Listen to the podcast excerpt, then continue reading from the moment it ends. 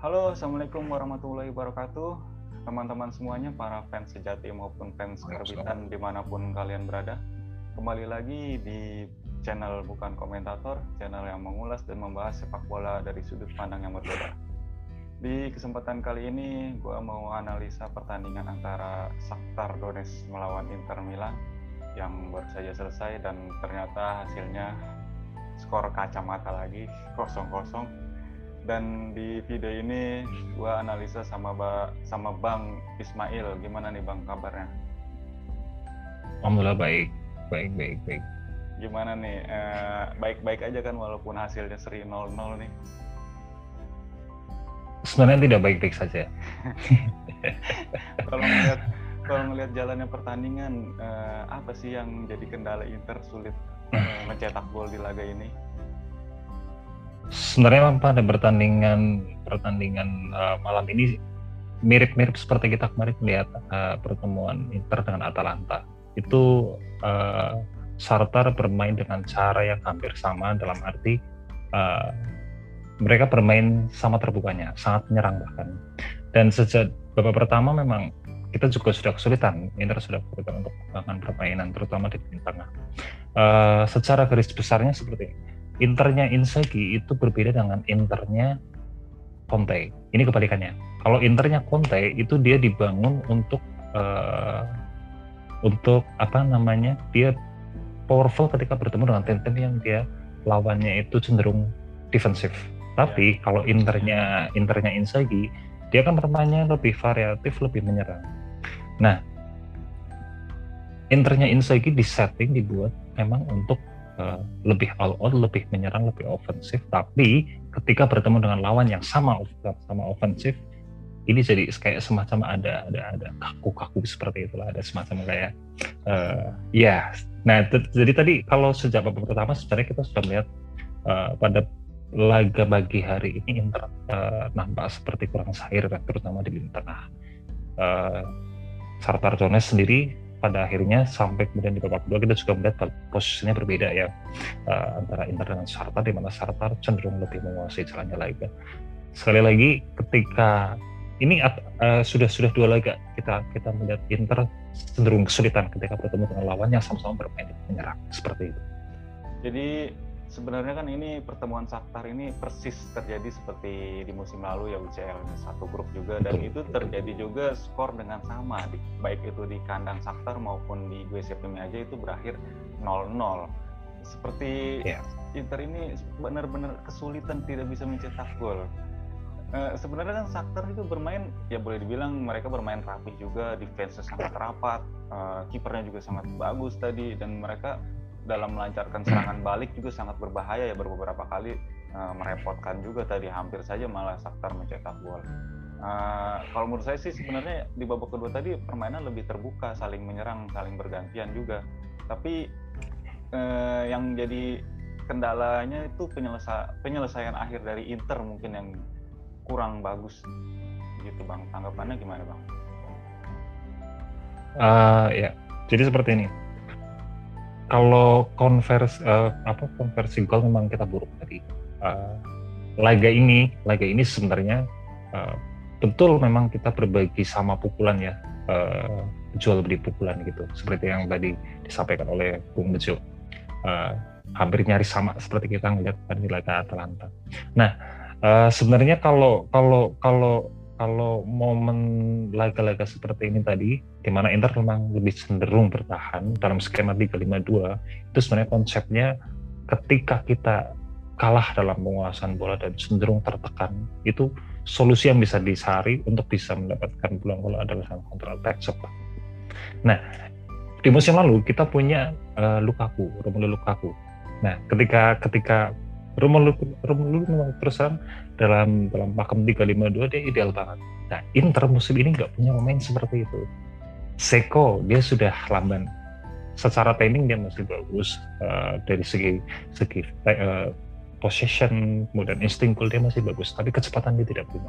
Lautaro Martinez dia advanced striker dia bukan target man yang dibutuhkan oleh Inter adalah target man ketika mereka menghadapi situasi sulit seperti tadi ketika tertekan ketika mereka sering kehilangan bola kita juga lihat Dumfries dia, dia, dia uh, saya melihat Dumfries malam ini tidak seperti ketika dia debut di San Siro beberapa waktu lalu.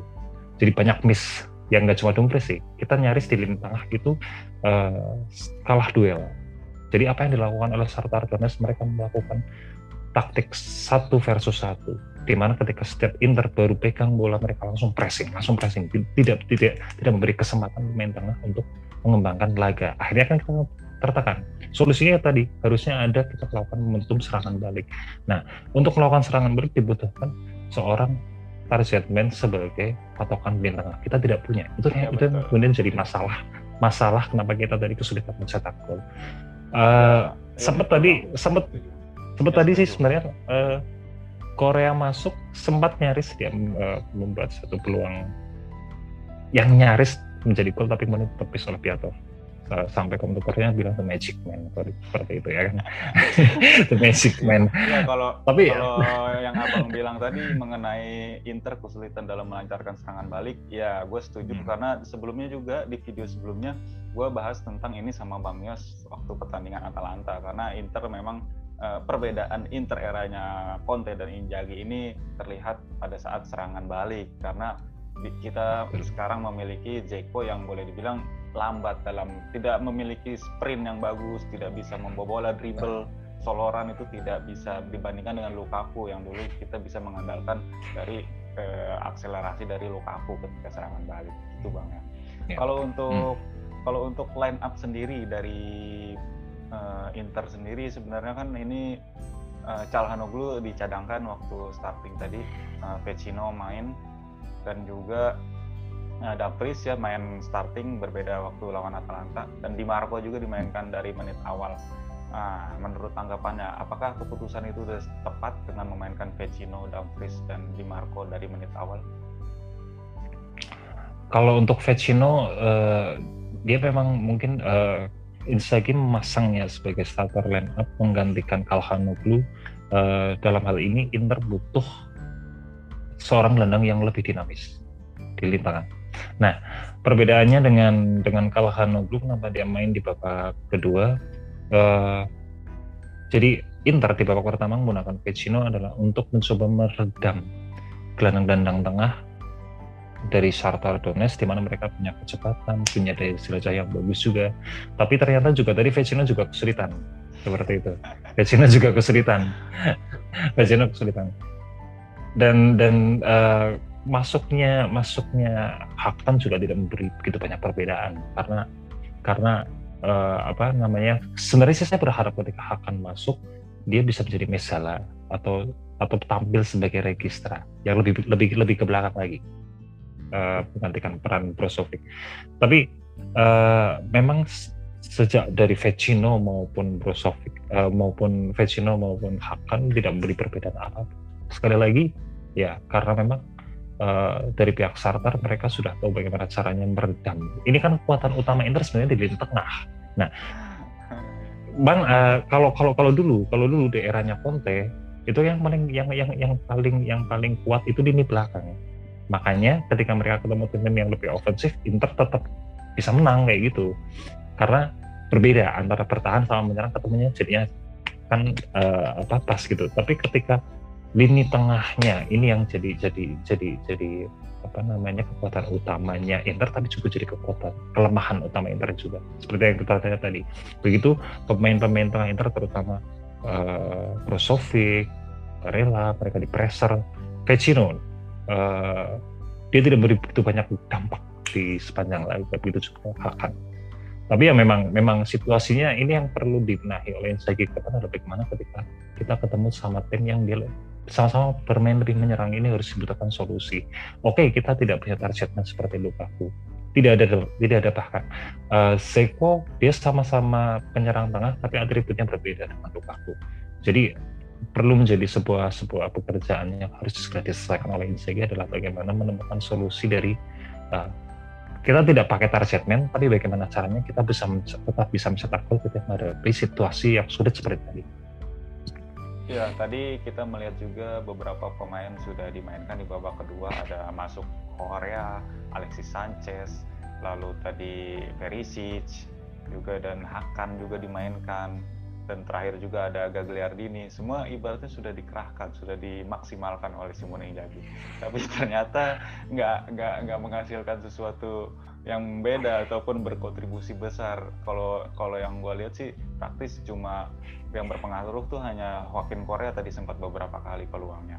Selain itu Alexis Sanchez kita nggak melihat juga Perisic juga nggak kelihatan Hakan juga nggak kelihatan. Jadi artinya sebenarnya ini PR PR besar buat Injagi ketika nanti di leg kedua di GWSP ini aja itu harusnya dia bisa mencari alternatif lain. Karena uh, kita tahu sendiri Shakhtar ini pertahanannya sangat rapat sekali dia rapi dan disiplin dalam bertahan ataupun menyerang Nah, tanggapannya apa nih yang harus dibenahi oleh Injagi untuk menghadapi leg kedua nanti di GSP aja?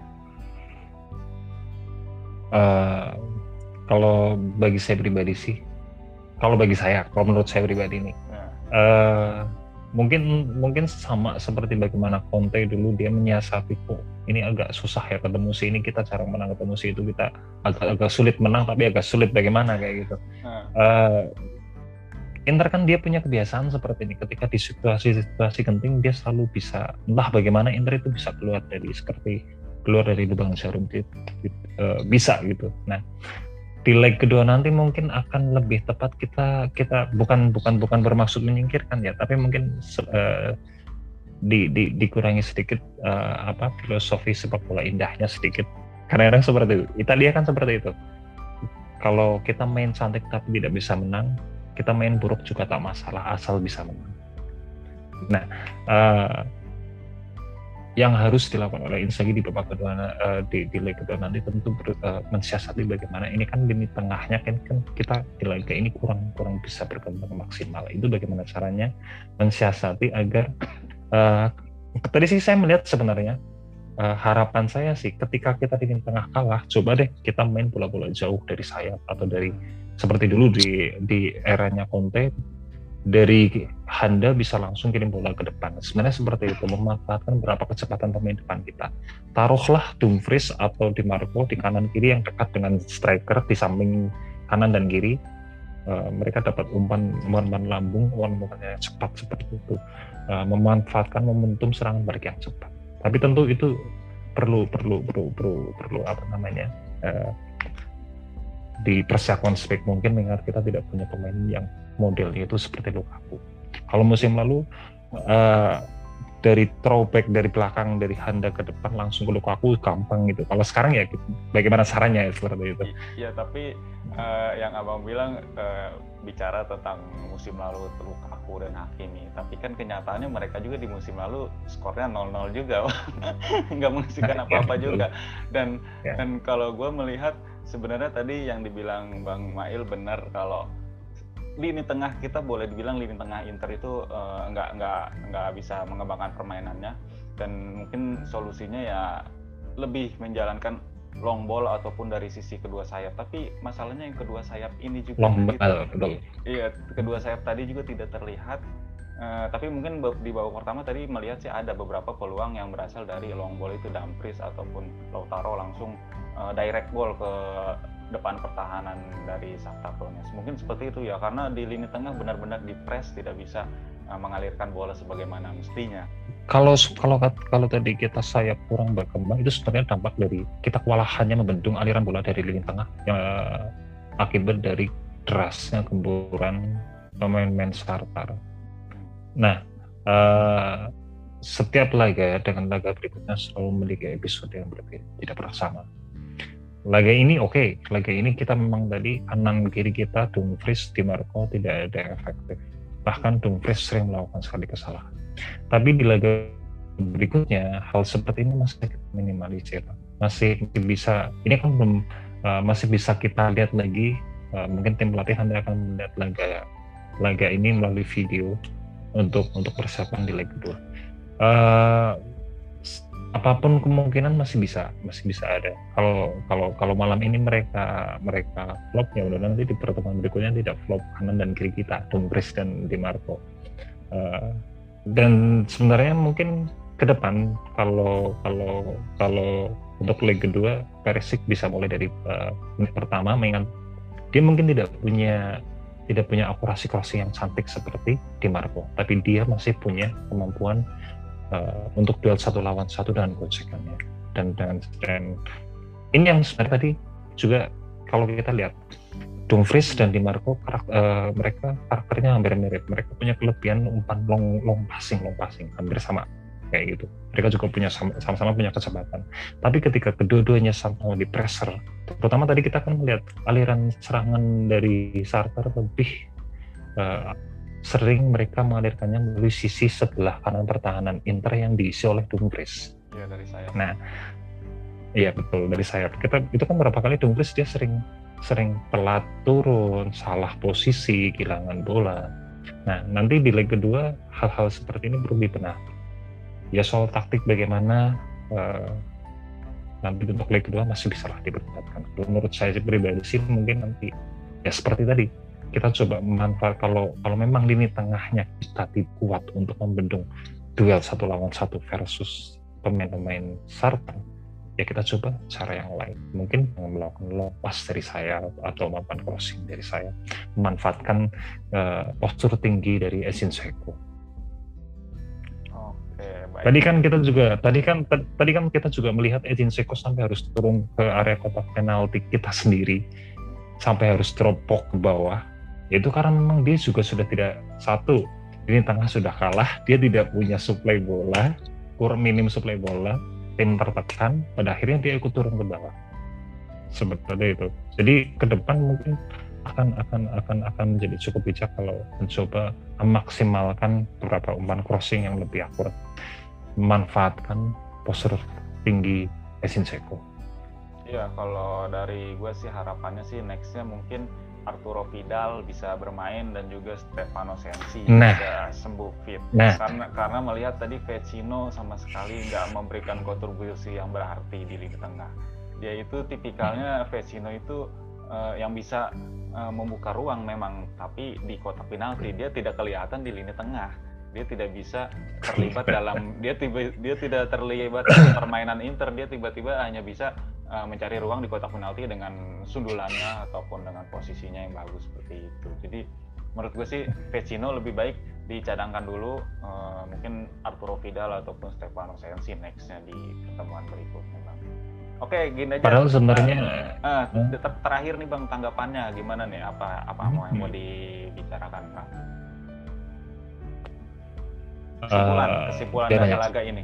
Kesimpulannya, oh kesimpulan dari laga ini paling itu bahwa ini internya internya Inzaghi dari sisi permainan memang cukup variatif menghibur uh, tapi sekali lagi perlu perlu perlu segera dibenahi bahwa ketika Inter ketemu tim yang memiliki karakter yang sama, sama-sama menyerang, kita sering kesulitan.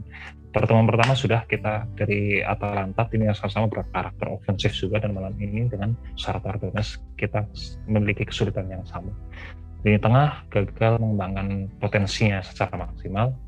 Kemudian uh, lini tengah uh, setelah selain gagal dalam mengembangkan potensinya berdampak kepada lini-lini yang lain termasuk lini serang yang jadi tumpul, lini belakang yang jadi terlalu sering mendapat serangan dan lain sebagainya. Perlu segera dibenahi bahwa uh, oleh pelatih Simone Inzaghi ke depan bagaimana untuk untuk untuk membenahi kekurangan-kekurangan tadi sehingga kita bisa mendapatkan hasil-hasil yang lebih maksimal. Uh, pulihnya pulihnya Arturo Vidal juga bisa bisa bisa bisa bisa menjadi penawar yang memang cukup cukup positif bagi tim.